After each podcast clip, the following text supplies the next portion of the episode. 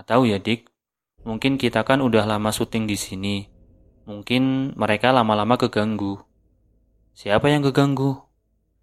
Ya, lo tau lah. Jawab Mas Kukun sambil melangkah menjauh meninggalkan gue sendirian.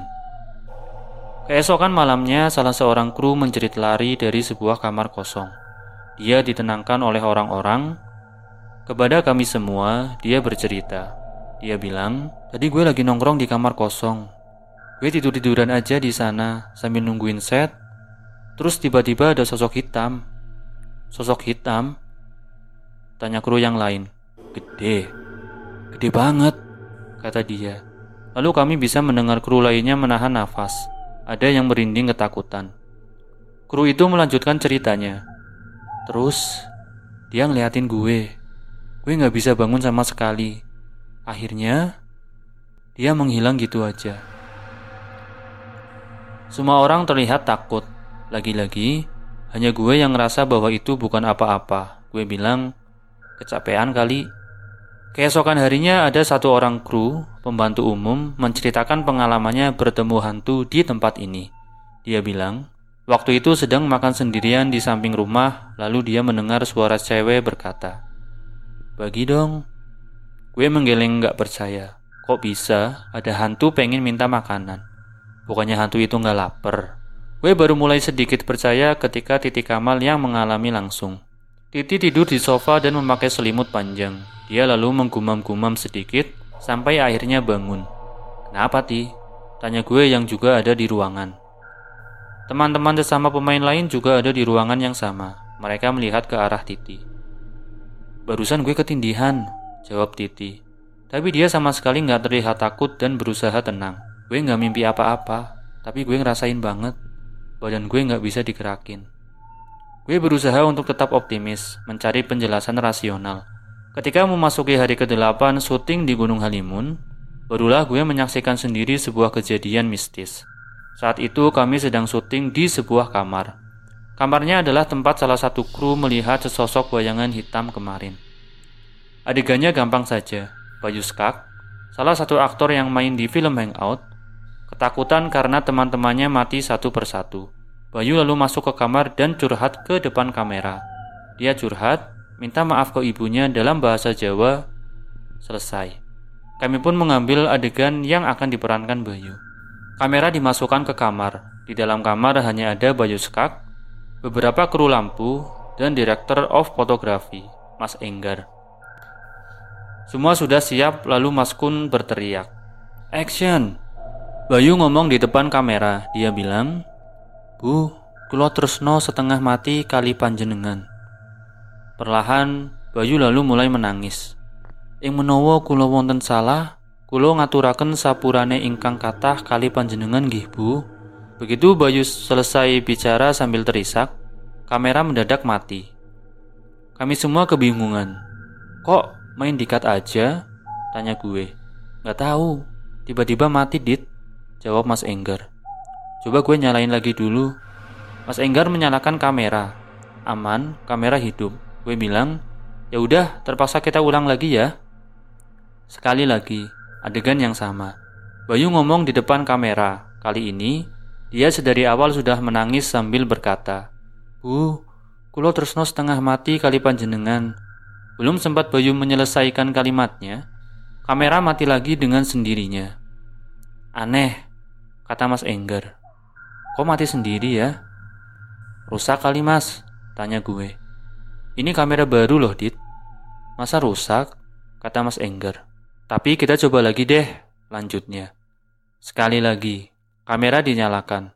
Bayu mengeluarkan dialognya. Lagi-lagi, sama seperti sebelumnya, kameranya mati ketika Bayu menangis sambil ngomong dalam bahasa Jawa halus. Mas Enggar bolak-balik memeriksa kameranya. Dia sudah mencoba memakai segala macam cara. Kameranya didiamkan, Kameranya disetel ulang, bahkan sampai mengganti kartunya. Tapi hasilnya sama saja. Kamera tersebut mati tiba-tiba setiap kali Bayu bicara dalam bahasa Jawa. Gue menggaruk kepala melihat ini semua. Gue bilang, kalau gini terus, adegan ini nggak bisa lengkap diambil nih. Ini kenapa ya mas? Mas Enggar menghampiri gue. Dia bilang, gue nggak tahu ya. Ini mungkin kedengarannya agak aneh sih. Tapi gue mau coba nyalain kamera tanpa baju dulu. Maksudnya? Tanya gue. Iya.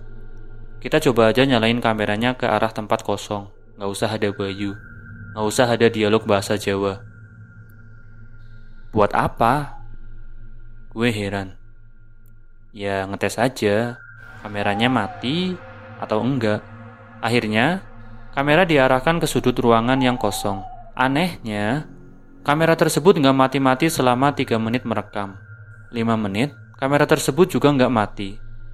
Mas Enggar lalu menghampiri gue kembali. Dia bilang, kayaknya persoalannya bukan di kamera deh. Jadi, tanya gue, kayaknya ada yang nggak suka bikin adegan sedih pakai bahasa Jawa. Lah, hubungannya apa? Tanya gue masih heran. Ya, ini kan daerah yang biasanya orang pakai bahasa Sunda, Dit. Jadi, menurut Mas Enggar, ada makhluk halus yang matiin kameranya. Bukan gue yang ngomong loh ya, kata Mas Enggar. Ya udah deh, kita break dulu aja pada sholat, doa aja dulu, kata gue. Setengah jam lagi kita lanjut lagi ya, teriak gue ke semua kru. Kru pun break. Bayu kebingungan, tapi nggak ada yang cerita sama dia kalau adegan dia diganggu oleh makhluk halus. Gue kembali duduk di kursi sutradara. Ketika gue merem, saat itulah ada sesuatu yang terjadi. Kaki gue seperti dililit udara dingin, mulai dari telapak kaki, perlahan naik ke paha. Gue langsung buru-buru berdiri menepuk kaki gue. Ada apa bang? Tanya salah seorang kru yang ada di samping gue. Enggak, enggak apa-apa. Setengah jam kemudian, setelah selesai break, Syuting kembali dilakukan. Kamera merekam Bayu dengan baik, adegan nangis dengan bahasa Jawa selesai. Adegan berikutnya malam itu yang kami ambil adalah di tengah hutan. Adegannya, gue, Soleh Solihun, Surya Saputra, Dinda Kanya Dewi, Gading Martin, Bayu Skak, Prilly, dan Titi Kamal berlari dan bertemu di tengah hutan. Ketika kami tiba di tengah hutan, beberapa lampu yang harusnya kita pakai syuting mati. Kenapa lampunya mati mas? Tanya gue ke mas Kunun.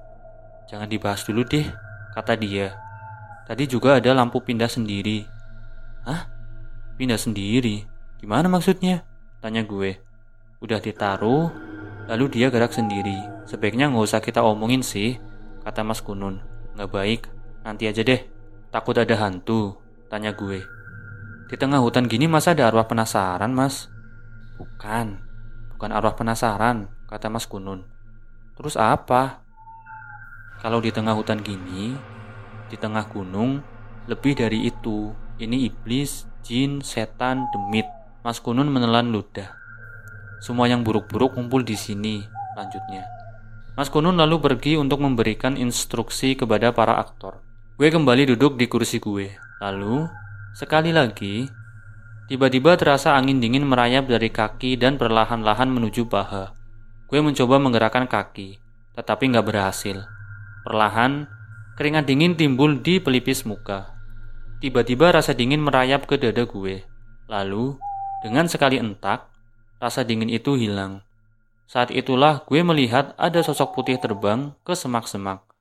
Warnanya terang, bentuknya kecil, ramping, nggak lebih besar dari anak umur 12 tahun. Gue menelan ludah. Wajah gue berubah. Wajah orang yang tadinya nggak percaya menjadi percaya.